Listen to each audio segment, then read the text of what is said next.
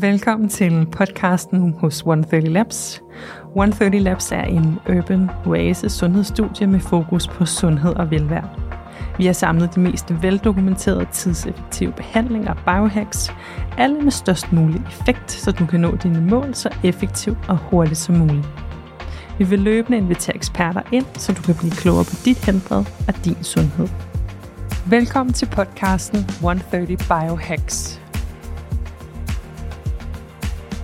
Hej og velkommen til 130 Biohacks. Vi er glade for at være tilbage efter en dejlig sommer.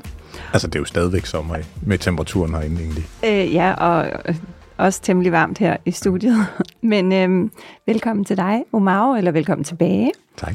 Vi, øh, vi havde øh, en seance inden sommeren, hvor vi skulle have talt kulde og varme. Det endte med at blive en lang og virkelig god snak omkring kulde. Yes. Øh, men lige pludselig var der ikke, øh, var tiden brugt, så at ja. sige. Så, øh, så vi var enige om, at øh, vi heller måtte afsætte tid til, øh, til en separat snak omkring yes. varmeterapi. Men for dem, som ikke har hørt din sidste podcast, og eventuelt ikke kender dig, vil du så ikke lige kort øh, præsentere, jo. hvem du er? Mit navn er Omar Kadogan, og jeg er ekspert i sundhed og ernæring, og det man kalder for functional medicine. Så i virkeligheden er min mission at hjælpe så mange mennesker som muligt med sundhed. Ikke bare for sundhedens skyld, men fordi det også ligesom er en indfaldsvej til glæde, energi og vitalitet. Ikke? Så mit mål er at sørge for, at alle jer, der lytter med, og alle mulige andre, har en krop, der er medspiller i stedet for modspiller, og finde ud af, hvad skal der til med, for at man gør det med kost og livsstil og motion og ernæring og så videre. Og så har jeg jo selv været ret syg, da jeg var ung, øh, så den her mission, det er også altså meget personligt for mig, fordi jeg selv har været rigtig syg med flere autoimmune sygdomme og har spist og levet mig rask. Ja. Det, så, jeg, så jeg har prøvet at have en krop, der var modspiller i stedet for medspiller, og så få min krop tilbage igen. Og det er jo derfor, jeg synes, det fortjener alle. Altså ikke at tage sådan en tur, men Præcis. at have en krop, der er medspiller. Og der deler vi jo også en vision om, at, øh, at hjælpe mennesker ind i en mere præventiv tilgang det til det. deres helbred, ja. øh, og måske undgå nogle af alle de sygdomme. Yes. Men når det er sagt, så er det klart, så er der jo også stadigvæk en rigtig stor gruppe, som har og lider af forskellige, både kroniske lidelser eller øh, mere kortvarige. Øh, mm. ja. Det, der heldigvis er fællesnævnerne for stort set det hele, det er, der er rigtig mange naturlige måder, man kan arbejde med sin sundhed på og få Lige det bedre på. Ja. Så øh, og varme er jo en af dem. Yes, altså meget, meget, så on that note. ja, ja, og meget apropos her, ikke, hvor vi har haft hedebølge. ja, jeg tænker, hvordan tanken om en sauna lige nu, det ja. glem det. Ja. Den. Men øhm, måske stadigvæk kaste bolden over. Øhm. Yes. Jamen, hvad, altså, det, der er interessant ved varme, det er, hvis man bliver udsat for det på rette måde og rette dosis og rette manier, så er det jo i virkeligheden en stresser for kroppen. Ja. Men det, man kan jo se, med, og det er jo ikke bare med varme, det er med alt muligt samme, gælder kulde eller træning, det er, at en passende doseret stresser eller belastning på kroppen, den gør, at kroppen tilpasser sig, og tit også, at den tænder for sådan nogle modvægte, som der så kommer i spil bagefter. Ikke? Altså så lidt ligesom, hvis man intervaltræner, jamen så er der jo kortvejet, hvor ens lunger og hjerte og muskler og blodforsyning og hjerte-kar-kredsløb jo egentlig ikke kan følge med, så hvad kører kroppen bagefter? Den tænker, næste gang galningen synes, der skal tages 10 burpees i minuttet, 10 minutter i træk, eller hvad det nu er, de finder på, så bliver jeg nødt til at være endnu bedre til at få ild ind og blod rundt, og hjertet pumper, og musklerne til at fungere. Så, ja. det, så, så det, der er jo interessant med varme, når det bliver gjort på rette manier, det er jo igen, det er sådan noget belastning altså af kroppen, men effekten er så, at man får tændt for nogle sådan robusthedsmekanismer, nogle, noget, noget, nogle, altså noget modvægte, ja. øhm, og det kan både have effekter lige her nu, men også på den lange bane. Ikke? Altså det er jo, for eksempel, så kan man jo se de her studier fra Finland, der er lavet på folk, der går i sauna. Ja.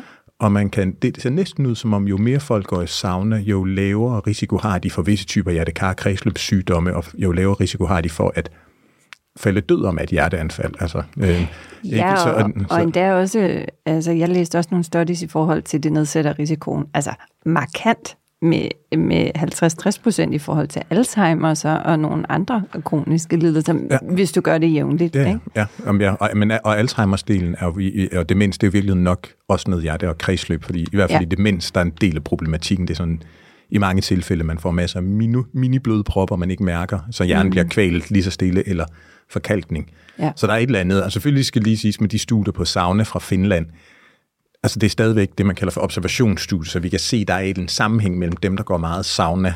Altså, Ja. så der er ikke nogen, der har lavet et, endnu har lavet et ægte sådan interventionsstudium, så nu tager vi en hel gruppe mennesker, men det er også været svært at sige, her har vi en gruppe mennesker over et helt liv, så er der nogen, der overhovedet ikke må gå i sauna, der er nogen, der skal gå i sauna en gang om ugen, der er nogen, der skal gå i sauna to-tre gange om ugen, der er nogen, der skal gå i sauna fire eller flere gange om ugen, og ellers så skal de spise og leve på fuldstændig samme manér.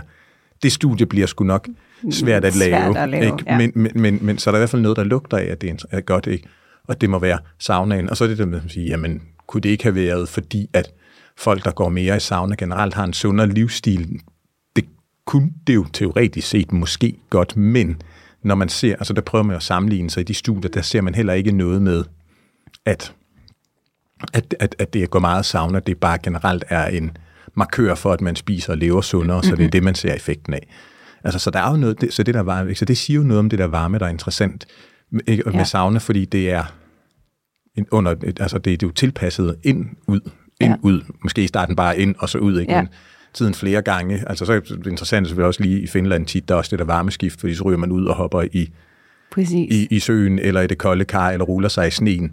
Men, øh, ikke, så der er måske et ekstra effekt, men, men, men, men det der varme, altså... Men, men varme i sig selv kan jo også noget, fordi jeg synes, jeg har tidligere aldrig været vild med sauna. Jeg altid Nej. synes, det faktisk var rimelig hæsligt. Ja, ja. I dag elsker jeg det, men, men jeg synes jo også, at jeg lærte, lærte sådan den klassiske sauna Ja. øh, op hos Jesper Vestmark, og der er det jo, altså det er lidt af et maraton, du kommer igennem, sådan en to timers øh, sauna-session i 200 grader, og det, altså som Jesper siger, det er bisonoksen, der tager hovedet ind i stormen, ikke? Det, det, op, altså det er virkelig mental resiliens også. Du Ja. bliver virkelig nødt til at bare fortælle dig selv, at hvis de 15 andre mennesker, der sidder i den her sauna, kan gøre det, så kan jeg også. Ja, så- Selvom det føles fuldstændig ulideligt. Ja. Men det, der så sker, det er, når du så overkommer, mm. går ind i varmen, i stedet ja. for at kæmpe imod den, Ja. ligesom man jo også gør med at gå ind i kulden, Ja. så kommer der sådan en helt ekstrem positiv effekt, Mm, både ja. mentalt og fysisk efterfølgende. Ja. Øh, men jeg synes faktisk, for mig var det ret interessant, den der sådan, ja, det mentale i, den der overvindelse i, at Ja. jeg kan godt klare det her, ikke? Yes. Men det, Øh. det lyder jo som sådan noget indiansk svedhytte-stil i virkeligheden. Øh, det er det også. Ja, ja det, det har jeg også det har jeg prøvet faktisk ja. I, i Island. Der var en periode, hvor jeg, min daværende kæreste var fra Island, hvor. Ja. vi var lige så meget og arbejde som i Danmark. Det var inden ja. finanscracket og, og Islands crack.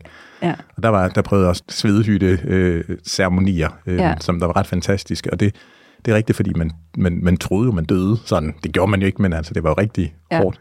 Men det kan vi se, alle de der ting, der presser en på den måde, om det er kulde, om det er varme, øh, altså med træning. Noget af det, der sker, det er jo selvfølgelig, at man tænder for sympatikus. Altså det er jo den del af nervesystemet, der har at gøre med på performance, øh, overkom, overvind. Ikke? Og, og, og det kan under rette forudsætninger faktisk have nogle gavnlige effekter, især hvis man begynder at producere noradrenalin øh, og også adrenalin, også noget dopamin. Det er jo nogle af de signalstoffer og hormoner, der ligesom er forbundet med at være på, fokus, energi, drive. Mm. Ikke? Og der kommer helt sikkert også det, at man begynder at lave nogle endorfiner. Altså, Ja. det er faktisk ret vildt. Kroppen er designet sådan, at når man, altså, produktionen af rigtig mange af de her signalstoffer sker i hjernen eller er styret af hjernen, så helt op fra hjerneniveau, når man så bliver presset så meget, at hjernen faktisk, altså at man op fra hjerneniveau og ned ved til at tale med binyrerne, have dem til at lave kortisol, et af stresshormonerne, så forstadiet til de signalstoffer, der skal sendes helt op fra hjerne og hypofyse ned til binyrerne, det skal ligesom klippes over. Og en af de stumper, man klipper i, den bliver til endorfiner, så vi simpelthen indretter sig sned, når man siger, okay, når du er så presset, at vi bliver nødt til fra hjerneniveau at kommandere med din binyre, så du skal lave noget kortisol, fordi du er under pres, så, Så kommer vi også til, så kommer vi til at lave nogle endorfiner, altså nogle stoffer, der jo gør, at vi føler os rolige, og, eller og sådan, altså, giver noget glæde, eller noget smertelindring, eller noget ubehagslindring. Ja, altså, det er jo, interessant. Så, så, så man kan jo godt forestille sig også noget af det sådan eufori eller high, man får af sådan nogle rigtige altså, saunagus, hvis. Ja. man går til den, eller med, også, altså med sådan en rigtig indiansk svedehytte, eller hvad man nu, eller, eller Præcis. alle mulige andre kulturer, hvor man har den praksis. Mexico. At man, ja, Mexico, og, ikke, at, ja. at så får man simpelthen et, øh, altså, ja, og det er en jo... boost af endorfiner, og der sker også helt sikkert noget med dopamin og sådan noget. Man kan også forestille sig, at der sker noget med serotonin, fordi det er jo også det, de signalstoffer, vi bruger til at nedregulere oplevelsen af smerte og ubehag, så hvis man så bliver presset på den måde, så kan man forestille sig, at man efterfølgende faktisk laver serotonin, der også har Ja, effekter. og, og det er jo den samme effekt, der sker, når man udsætter sin krop for ekstrem kulde, Ja. øh, vinterbadning eller Yes, ja. øh, whole body cryo, Ja. øh, så det giver jo god mening, Ja. at det er jo ikke så afgørende, om det er ekstrem kulde eller ekstrem varme eller øh, ekstrem hård træning for den sags skyld. Det er Ja. det her med, at du virkelig chokker kroppen, ikke? Øh, og den så heldigvis har en, en positiv mekanisme, der, der siger, samtidig med, den, samtidig med smerten, så bliver der altså også frigivet nogle positive hormoner, der hjælper med at komme igennem. Fuld, jamen fuldstændig. Og selvfølgelig, så det skal jo lige tages i mente med alle de her ting, så skal det være fordi, at man generelt set har nok sådan ressourcer, at man får god nok mad og nok hvile og så videre, fordi ellers så graver man bare et hul, og så det med, at det er kort, men hårdt. Ja. Øh, og, og øh, ikke, altså, hvor lang tid eller hvor kort tid det er, det kommer også an på, hvem man er, hvor tilpasset man er, eller Præcis. hvor mange runder man kører. Ja.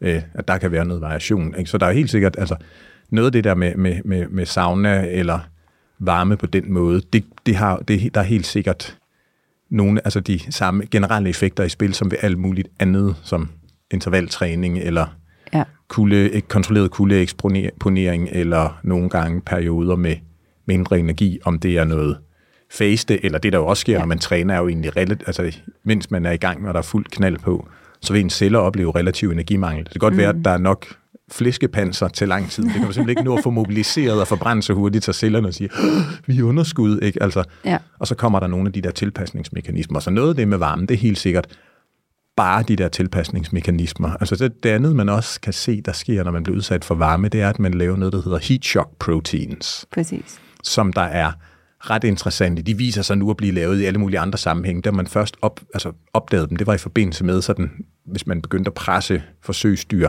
så hårdt med varme, at de faktisk havde risiko for at besvime eller falde om eller dø. Og så kan man se, at så laver man de her heat shock proteins, som der gør kroppen mere stærk og mere robust. Øh, altså, ikke? Og, det, og det er jo igen det der med, hvor meget, fordi sådan, så kort, hvis man lige får varmebelastet nok til, man laver heat shock proteins, Ja. og så får glæden af dem, og de er ikke bare der for, at man lige præcis overlever varmen, eller lige rydder op for skaden. Ikke? Så, men det er jo det, der igen lige kortvarig eller kontrolleret mm. eksponering. Så de tilpasninger, kroppen laver, de har en større effekt end den slitage, man laver, så ender man jo et godt sted. Og det, det er vel også lidt det, som for eksempel den infrarøde sauna gør, fordi det er jo lidt det der lidt mere komprimeret. Du kan faktisk få den der ekstreme svedeffekt og, og, og indefra kommende varme på kortere tid, end hvis du sidder i en traditionel sauna for eksempel.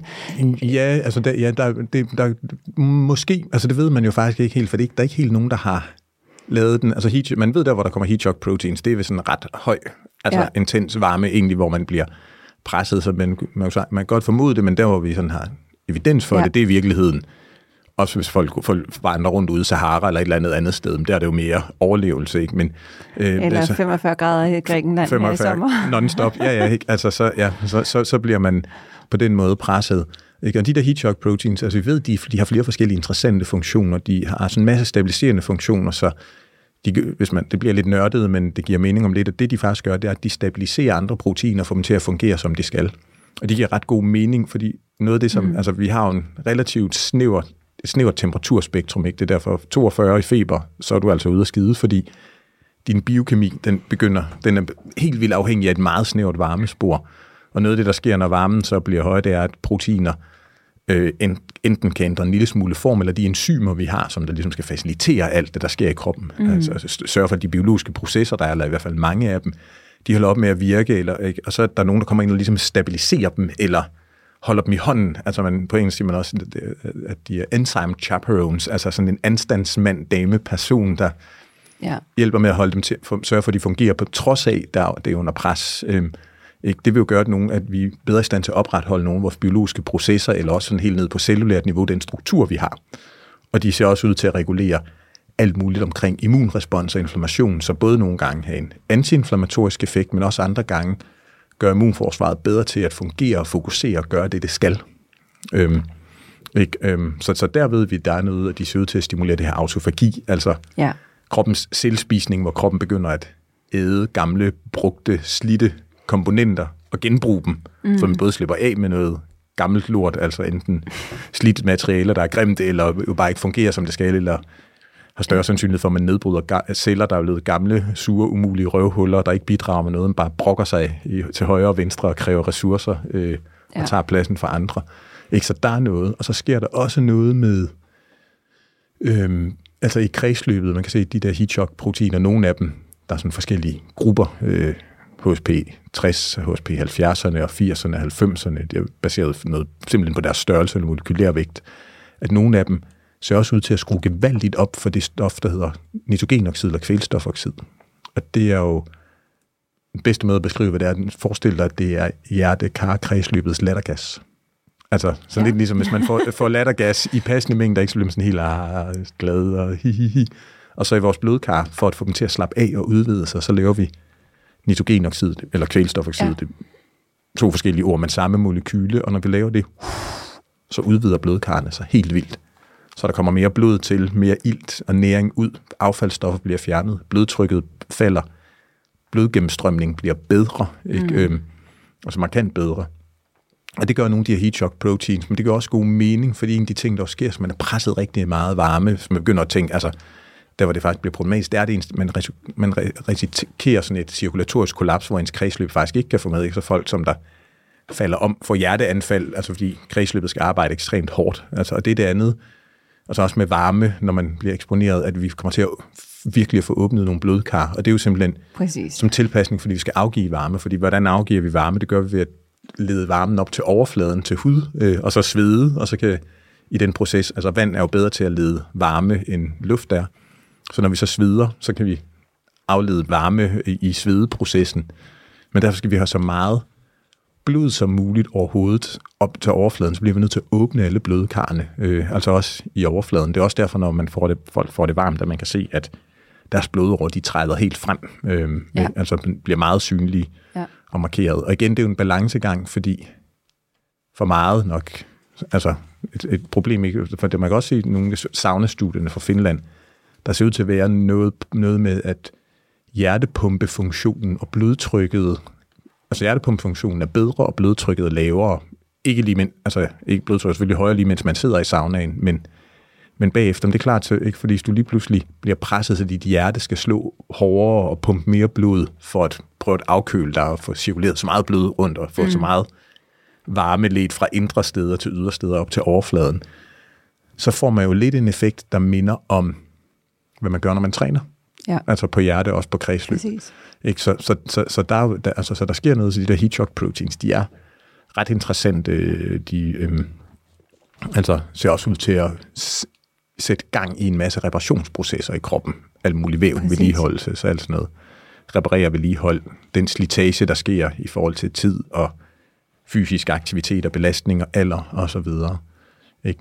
Men så er det samme, fordi med heat shock proteins, det er jo, at de skal produceres, så skal de væk igen. Så som alt andet, det så bare bliver ved og ved og ved, så går det fra gavnlig eller god tilpasning til, at, altså, at man tager skade. Og det er jo det mm. samme med varme, ikke? fordi hvis man får konstante varme overeksponeret, øh, eller overbelastet, det er jo ikke særlig rart. Vi kan jo se, hvordan folk måske har haft det i altså herhjemme, ikke? Øh, og, og, så, og, og så, så temperaturen, men det der med omkring 30 grader eller over, ikke? Altså man bliver sløv, man bliver træt, man bliver dvask, man kan... Mm. Ikke særlig meget. Øhm, ikke? Og det er jo simpelthen, når temperaturen bliver så høj, så sker der også noget med vores fysiologi og, og så videre. Mm. Øhm, og igen, nogle af de her ændringer, om de er gode eller dårligt, kommer an på tid, fordi noget af det, der jo samtidig interessant nok også sker, når det bliver varmt, det er, at man egentlig slapper af. Ja. Man bliver rolig. Præcis. Altså, øh, man skal selvfølgelig så blive så rolig, som man ligesom bare ligger og sløver den hele dagen, øh, eller, eller en, en 24 timers siesta, det er lidt nedskræmmende. Nej, nej, men, men det er jo netop en af de positive effekter ved alle ja. former for sauna, er jo den her, altså, det afslapper, ja. afslapper muskler, men også mentalt, fysisk. Ja. Altså, du, det, hvis du går rundt og er helt tændt, ja, ja. så... Ja, ja. Så. Jamen, det, det er det, man kan se, at der sker noget regulering af. Ja. Eller i hvert fald efterfølgende får man noget aktivering af parasympaticus, altså hele den del af nervesystemet og i det hormonelle, vores stressrespons, hvor vi ligesom skal mm. ned og slappe af, og det giver jo igen god mening, så får du blevet udsat for den her varme, der presser dig på alle mulige måder, sensorisk, kredsløbsmæssigt og biokemisk. Ja. Sætter gang i stressresponsen, men for at holde balance også, altså sætter modvægten på, og så, for, så fjerner du varmen, den forsvinder. Men så er du tændt for den her modrespons, altså med ro på, gear ned, det må ikke kamme over. Præcis. Og så lukrerer man på effekten af det. Ja. Øhm, ikke? altså, så, så, så, så der er der jo også noget altså interessant, lige så vel som med kugle, den der kortvarige kuldeeksponering, Ja, øh, præcis. eller kontrolleret kuldeeksponering. Selvom lige mens man er derinde, så er man på og sådan noget, så bagefter, åh, så kommer der faktisk noget ro. Eller sådan en behagelig blanding af ro og, Energi. og energi. Og ja, fokus. Og fokus, sådan. ja. Ja, absolut. Øhm. Så, så der er, ja, så, så, så, så der, er, altså, der er noget interessant. Og så man sige, når man taler om varme, så kommer der jo sådan det, der begynder at ligge i mellemrummet mellem varme og lys, og det er jo alt det infrarøde. Altså Præcis. fordi infrarødt, du- så du har altså ægte infrarød og nær infrarød og så videre.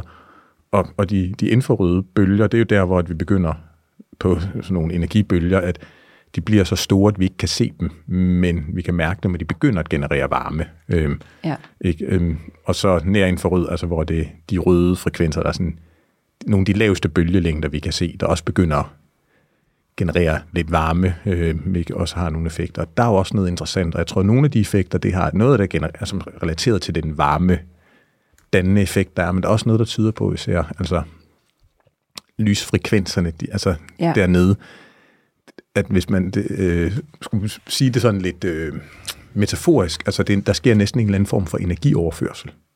Det gør der ikke, men, men hvis man skulle beskrive Ja. det alligevel, fordi nogle af de mekanismer, man kan se, der bliver aktiveret, når man får det der info, altså nær infrarøde lys, at der er noget med energiomsætning, der stiger mit- energiproduktionen i mitokondrierne, altså vores små energikræftværker, eller de gør meget mere end bare at producere energi, den stiger, altså ikke, der, der, der sker noget der. Øh, I hvert fald lige der, hvor man får øh, eksponeringen. Øh, Præcis. så, så- altså, det, det kan jo nok diskuteres, hvis man får infrarødt lys, om ens mitokondrieaktivitet også stiger i, altså ind i hjernen eller ind i hjertet. Det maybe, men vi kan se i hvert fald der, hvor kon, altså Ja. i de områder, hvor kontakten Præcis, er. ja. hvor du, når du Ja, står ja. eksponeret foran Ja. lysvæggen for eksempel, Ja, ja. og får det her øh, meget koncentreret øh, lys, så, så skaber det energi til cellerne. Sådan Ja. lidt forenklet sagt. Forenklet, ja. Eller, eller i hvert fald i de, eller i hvert fald Ja. ja. de, de celler, der, altså overfladen, ja, overfladen hvor man får kontakten, der sker et eller andet på energiomsætningen, energiproduktionen, der betyder til at blive forbedret, også iltningen og blodgennemstrømningen.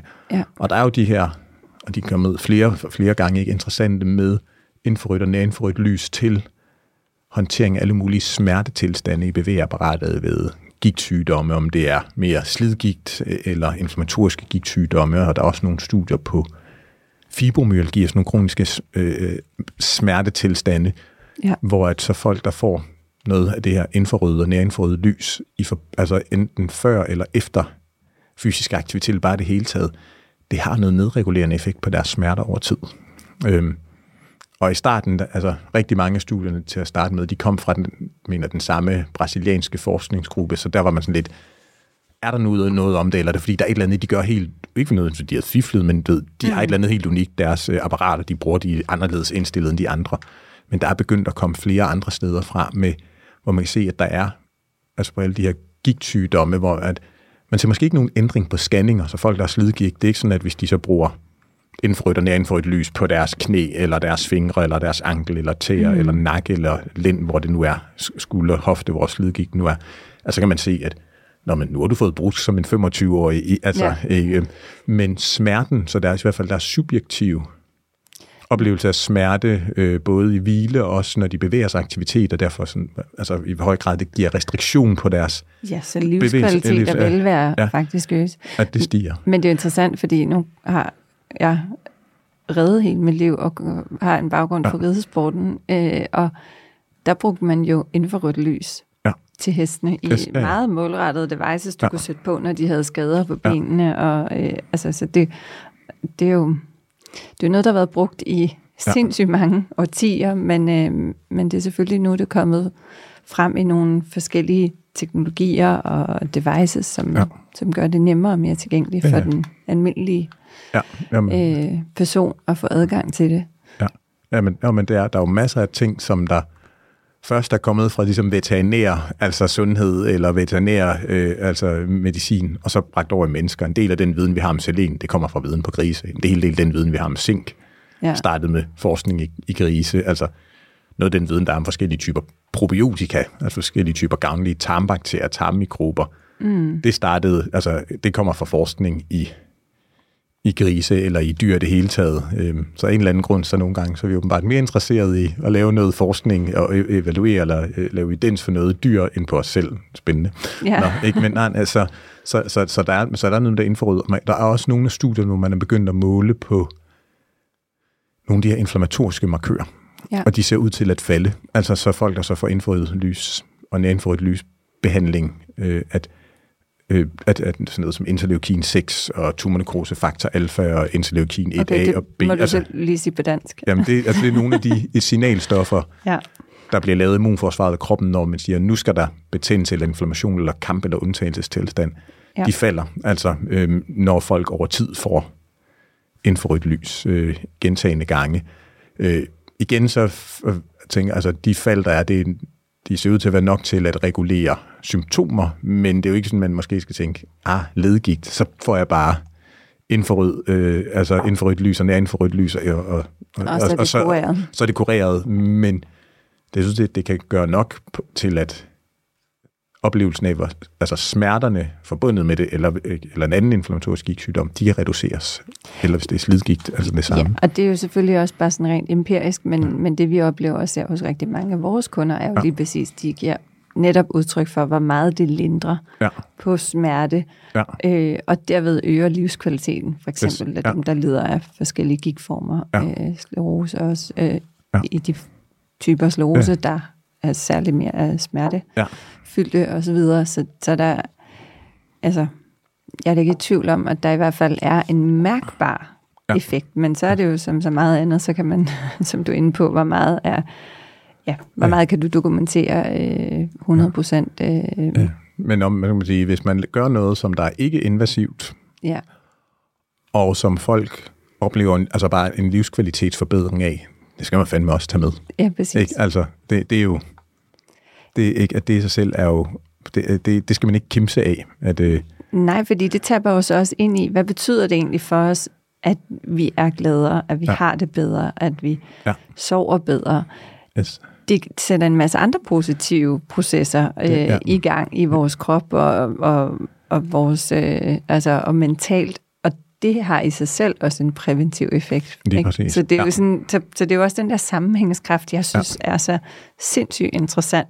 Ja. Fordi det kan godt være, som du siger, jamen isoleret set, så øh, påvirker nogle af de her ting øh, øh, positivt, men, men det er også den samlede effekt Det- af, ja. hvad det så faktisk går ind og skaber af, Ja. af sådan lidt mere et større skred, eller en, en større impact i ens liv og ens øh, sundhed, sådan Mm, ja, ja, ja. long term, ikke? Lige, ja, og så en ting, som der skubber til noget andet, som der så fungerer lidt bedre, som der så åbner portene for Præcis. de næste 3-4 ting, eller fjerner startspærren, der stod nogle andre steder, og så lige pludselig så bliver effekten i virkeligheden meget større end bare lige den der enkelte del, man fokuserer på. Det var kun det, der skete, sådan, hvis man kigger helt mm. snævert ind. Altså, ja. nej, det var jo i virkeligheden kimen, eller startskuddet, eller den første domino, der faldt ikke på negative manier, altså så ja. Der virkelig kom skrevet tingene.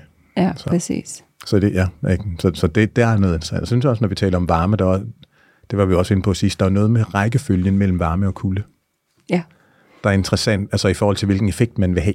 Fordi det ser ud til, at hvis man slutter på varme, så bliver man mere rolig bagefter. Ja. Hvis man slutter på kulde, hvis man laver sådan noget veksel, så er man mere peppet op. Ikke? Altså, så, så, så der igen, hvad, er det, man vil opnå? Øh, så min anbefaling er i hvert fald, at hvis man er tidligere på dagen eller løbet af dagen, hvor man stadig skal være på, så skal du ende med noget koldt. Mm, enig. Altså om det er, hvis det er sauna og iskar, så skal du ende med iskarret eller styrtebadet, eller hvis det var i Finland om vinteren, eller Sverige, eller for den sags skyld herhjemme, ikke? Altså så skal du ud og rulle dig i sneen sidst. Mm, Men hvis du vil ende på, ah, nu skal jeg give jer ned, så det, er, det er en fridag, øh, om det er en weekend eller en hverdag, kan man sige, ah, jeg skal være helt rolig, ja.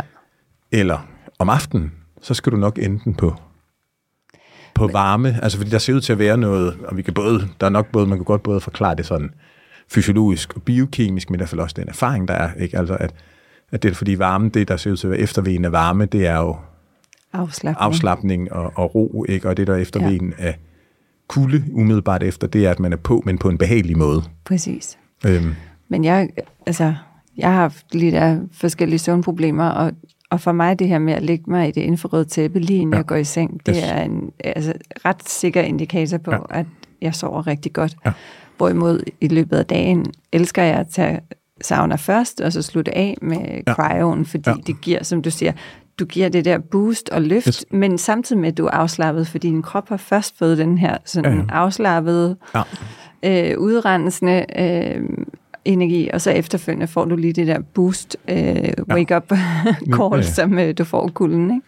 Ja, ja, ja jamen det, så, så der. Og det andet er jo selvfølgelig også, at interessant nok med varme, det er temperaturregulerende, altså hvis man ser, hvad der sker bagefter. Mm. Så en af grundene til, at man sover bedre på et varmt bad, eller eksempel lægge sig inden for et Ja. sauna, eller inden for et tæ- saunatæppe, hvad det nu er, det er jo sandsynligt, når så bliver varm, så det kroppen den gør, det den vil af, så vil den jo skille sig af med varme, og så er der tændt for ligesom varmeafledning bagefter, og i virkeligheden så sover vi jo bedre, når temperaturen er lidt lavere. Ja. Altså det gør en ting, er, at man bliver træt og dvask sig i, i de her dage, eller nætter, der har været, ikke, hvor der har været 26-27 grader.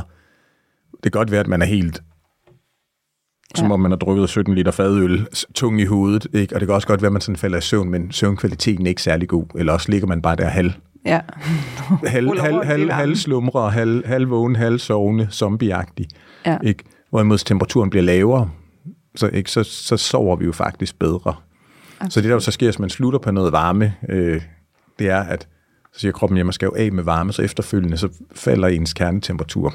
Altså igen, det er klart, at man triller fra sauna ud, midt ud og står på, i Sahara, så kommer det ikke til at ske, fordi så er det frem ekstrem varme til mindre ekstrem varme, ikke? Ja. Men, men på den måde, der vil jo være ja, et, øhm, det giver mening. Altså, altså noget, ikke? Så, så, så, så i forhold til søvn, altså varmt bad, eller øh, sauna, eller infrarødt tæppe, eller lignende, ja. Så inde med det. Både det gør, sæt dig noget ah, parasympatikus, men også der er noget med temperaturregulering, så din kernetemperatur Ja. bliver lidt lavere. Og det er, for, det er forbundet med bedre søvn, generelt set. Selvfølgelig Ja. skal det ikke være så koldt, at man fryser, men, men der er noget, der tyder på, at for mange, så det bedste søvn, den vil være i, i omgivelser, der er en 17, 16, 18, nej, altså Ja. 16, 17, 18 grader. Det kan man ikke opnå altid. Øhm, med, og, at faktisk, vores ja, vi kernetemperatur sover er en lille smule lavere, øhm, når man, der, så sover man bedre. Ja. Så det kan man regulere. Hvorimod, hvis man sluttede med koldt, så tænkte man, så bliver jo kølet af. Ja, ja. men Modsat effekt. du bliver, et, du bliver jo peppet op, men to, så vil din krop jo faktisk sige, om hov, kulde, jeg skal jo opregulere temperaturen, så det er ikke sikkert, det, det, det er nok ikke så godt for søvn. Det er også det, mange oplever, at det er en gang, hvis man skal være rigtig frisk sen aften, så, så er det smart med det kolde bad. Ja. Ikke? Ja. En sidste ting, som jeg synes kunne være spændende at berøre, det er jo også lidt det her, hvad betyder det, når man sveder? Ja. Altså, det er jo en af effekterne ved varme. Ja. Øhm, og hvad er det, vi kan gennem sved, som vi ikke nødvendigvis kan øh, udskille gennem andre organer? Øh, hvordan ligesom går det ind og Ja, altså, hjælper kroppens funktioner? Ja, altså der er jo noget med, når man sveder, at øh, det ser ud til at være endnu en portal til at slippe af med, skal vi kalde for molekylært affald. Præcis. altså biologisk affald. Så, så når man sveder, man kan se, at der er ting og sager, der kommer ud, øh, potentielt set øh, pesticidrester og tungmetaller og andet, øh, ikke, som, som man faktisk udskiller den vej. Altså normalt, så man sige, lever, nyre, skal, Ja, leverne skal fange det og ud via urin, eller leveren skal fange det, enten dumpe mm. det i afføring, som håber på, at der er god pestaltik og masser af fibre og alt muligt mm. andet, så affaldet det ryger ud hurtigt, ikke? Øh, eller også leveren fanger noget, smider i blødbanen, som nyren skal nuppe. Ja, Så man taler om sådan nogle forskellige faser eller mekanismer, men der ser ud at huden også er et sted, hvor man kan slippe af med ting og sager, altså så man simpelthen sveder ud. Øhm, så derfor er der nok også noget interessant i, i, i, at, at i de her tider, hvor vi bliver udsat for flere, flere, flere ting gennem miljøet, øhm, præcis. at en af, en af de måder, en, en, en, en af de steder, vi har at slippe af med nogle af de ting, eller i hvert fald øge evnen til at udskille dem, det er over huden, når man sveder. Ja. Øhm, så kan man fandme nok huske at gå i bad bagefter. Øh, altså, Ja, det er, ret, det er ja. så ret vigtigt, fordi ellers så risikerer man i hvert fald, at noget af det ryger tilbage, hvor det kom fra. Ikke? det, kunne, ja, det kunne det potentielt set godt at øh, gøre. Altså, så, så der er noget, og det er igen, fordi der er ikke, der, altså der er noget, vi har nogle, noget sådan biologi, vi har nogle biologiske målinger og sådan noget. Der er ikke nogen, der har lavet rigtig, altså sådan klassisk gode kliniske studier med en kontrolgruppe og en interventionsgruppe mm. og mm. alt matchet og så videre, men der er i hvert fald nogle interessante observationer øh, på, altså hvad der kan ryge ud, og at, at folk Ja. nogle gange, der se- har nogle helbredsproblemer eller symptomer, der ser ud til at være relateret til noget, de er, altså de, et eller andet biologisk affald, de er overbelastet med, hvis man kan kalde det på den måde. At så noget måske ved at svede rigtig meget, det kan være en måde at fremskynde at slippe af med det. Ja, jeg tror, vi har i hvert fald også nogle cases med nogen, der har haft ekstremt, altså for eksempel øh, tungmetalforgiftninger Mm, ja. i kroppen, øh, og selvfølgelig gjort en indsats Ja. på udrensning, både kvæg deres kost, men, men netop også brugt sauna rigtig Ja. meget i forhold til, og hvor de virkelig kan se en forbedring i deres tal. Ja. Og det er jo igen, som alt andet, øh, ting har størst effekt, når du gør det Ja, ja. holistisk, Ja. og, og, og, Ja. og ligesom selvfølgelig understøtter flere processer i kroppen sammen, men, Ja. Men, men jeg tror heller ikke, man skal underkende vigtigheden af det her med, at man, man gør nogle ting, som både er behagelige og dejlige, Ja, ja. Men, men som også hjælper med at, øh, at balancere og, ja. og understøtte nogle af de her vigtige processer. Yes. Og måske ja. også bare generelt, fordi som du er inde på, det er i hvert fald min egen personlige filosofi, at vi bliver udsat for en masse ja, usunde kemikalier og Ja. tungmetaller, uanset hvor meget vi passer på, og hvor økologisk vi spiser, alle de her ting, Ja. så er det bare i vores miljø og, og, og i alt, hvad vi omgiver os med. Ja. Øhm, så det her med, at man, man hjælper kroppen lidt Yes. med ja. at komme af med nogle af de her ting, både ja. kvæg det, man indtager, øh, men, men også kvæg for eksempel sauna eller tilsvarende. Det, Ja. Ja. det gør nok ikke nogen skade i hvert fald. Nej, men det, nej, nej, men det gør det helt sikkert ikke. Altså, og så er det andet, når man taler om hud og, og den slags ting. Er, en anden ting, jeg begynder at være opmærksom på, hvad er det, man propper på sin hud? Altså fordi Ja. huden på, ja. for visse typer uønskede molekyler, der godt kan lave ravage i vores biokemiske arkitektur, så er huden ligesom bare som sådan en stor mund, der bare siger, Ja. giv mig noget Ja. mere. Altså, Ja. så, det, så det er jo syret, at der, der er visse ting, som man aldrig vil få lov til at komme i fødevarer, eller hvor der er helt strikse krav, der må ikke være særlig meget i ja. Men som der godt må komme på ting, der ryger på huden, hvor absorptionen er langt højere, fordi ellers normalt ned gennem tarmsystemet, der er et vist tab, altså noget, der sidder fast i fiber, noget, der bliver skidt ud, mm. øh, tarmoverfladen, der nedbryder det, blod, der løber fra tarmene, det ryger forbi leveren, så noget af det første, der, det er de første steder, det ryger hen, det er lige forbi den, det store rensningsanlæg, ikke? men så over huden, det er bare bam, direkte ind i cirkulation, øhm, ja, det er skræmmende. uden videre. Det man, altså, så vil sige, i, hvis man bor i Danmark, så er vi jo i et land, hvor man er meget mere ops på det her end øh, i Nordeuropa, ikke? Altså også Norge, Jo. Sverige, Finland, hvor man er langt mere ops på det her end mange andre steder i verden. Så vi skal selvfølgelig ikke gøre det til et vildere problem, end det er, men det er der. Øhm, ikke? Altså, jeg har i hvert fald sådan nogle cases, og igen, når vi begynder at tale om folk, der allerede har sygdomme med folk med for eksempel Hashimoto's autoimmun skjoldbruskkirtelbetændelse, hvor at niveauet af antistoffer, altså hvor, hvor vi som kan se, få en idé om, hvor kraftig er reaktionen mod skjoldbruskkirtlen, den blandt andet kunne reguleres op og ned ved at ændre, hvad de brugte af hudpleje og make-up og øh, også, altså andre Ja. ting, de, der fik hudkontakt. Ja, Øhm, det er meget interessant. Ja. Ikke? det skal ikke vente til at sige, åh oh, nej, hvis nu man nu ikke kun bruger svanemærket hele muligheden, så får man Hashimoto's. Men så det her er i hvert fald en case af en, eller det er tre, jeg har observeret det ved, der har en autoimmun sygdom, hvor der er der er betændelse i den immunforsvaret, angriber den, deres produktion af Ja. stofskiftehormoner falder, så skal de have noget medicin for det, men kan man også mindske mængden af inflammation i skjoldbruskkirtlen og i kroppen i det hele taget, så det bidrager også til, at de har det bedre. Ja, selvfølgelig. Og noget af det, vi så kunne se, der faktisk havde en effekt, det var simpelthen, hvad de kom på deres hud, eller der blev optaget over huden, eller man fik fjernet, så de ikke blev udsat for det. Ja. Det er jo lidt, altså det er, det er lidt vildt, men også fantastisk. Ja. Ja. Men også tankevækkende, fordi. Ja.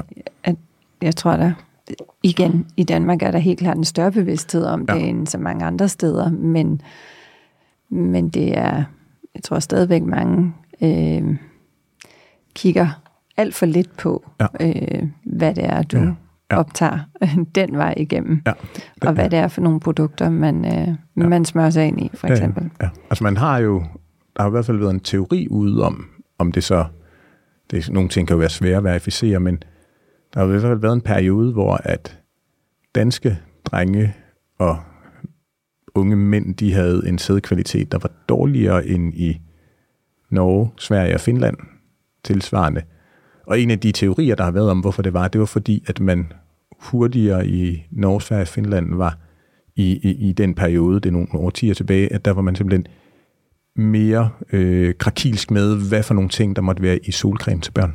Ja, Så altså, der kunne, altså, igen, det, det er svært at endegyldigt bevise, øh, men, men, men er det en af de teorier, der var, var det var det? Fordi der var faktisk nogle forskelle i, hvad for nogle ting måtte der være i solcreme markedsført til børn, som der godt kunne være hormonforstyrrende, øh, i hvert fald tilstrækkelige mængder. Ikke? Og som sagt, over huden, det er tit for ting, der er fedtopløselige, øh, kan være et helt andet, altså game, det er nogle helt andre absorptionsretter, og især det der med, det kan nu også cirkulere rundt rigtig mange steder, før det rammer leveren, hvorimod det er noget, du har fået ind, Præcis altså oralt, så ikke alt, men det meste af det afløb, der er af blodkar og kredsløb fra tarmsystemet, det er direkte til leveren.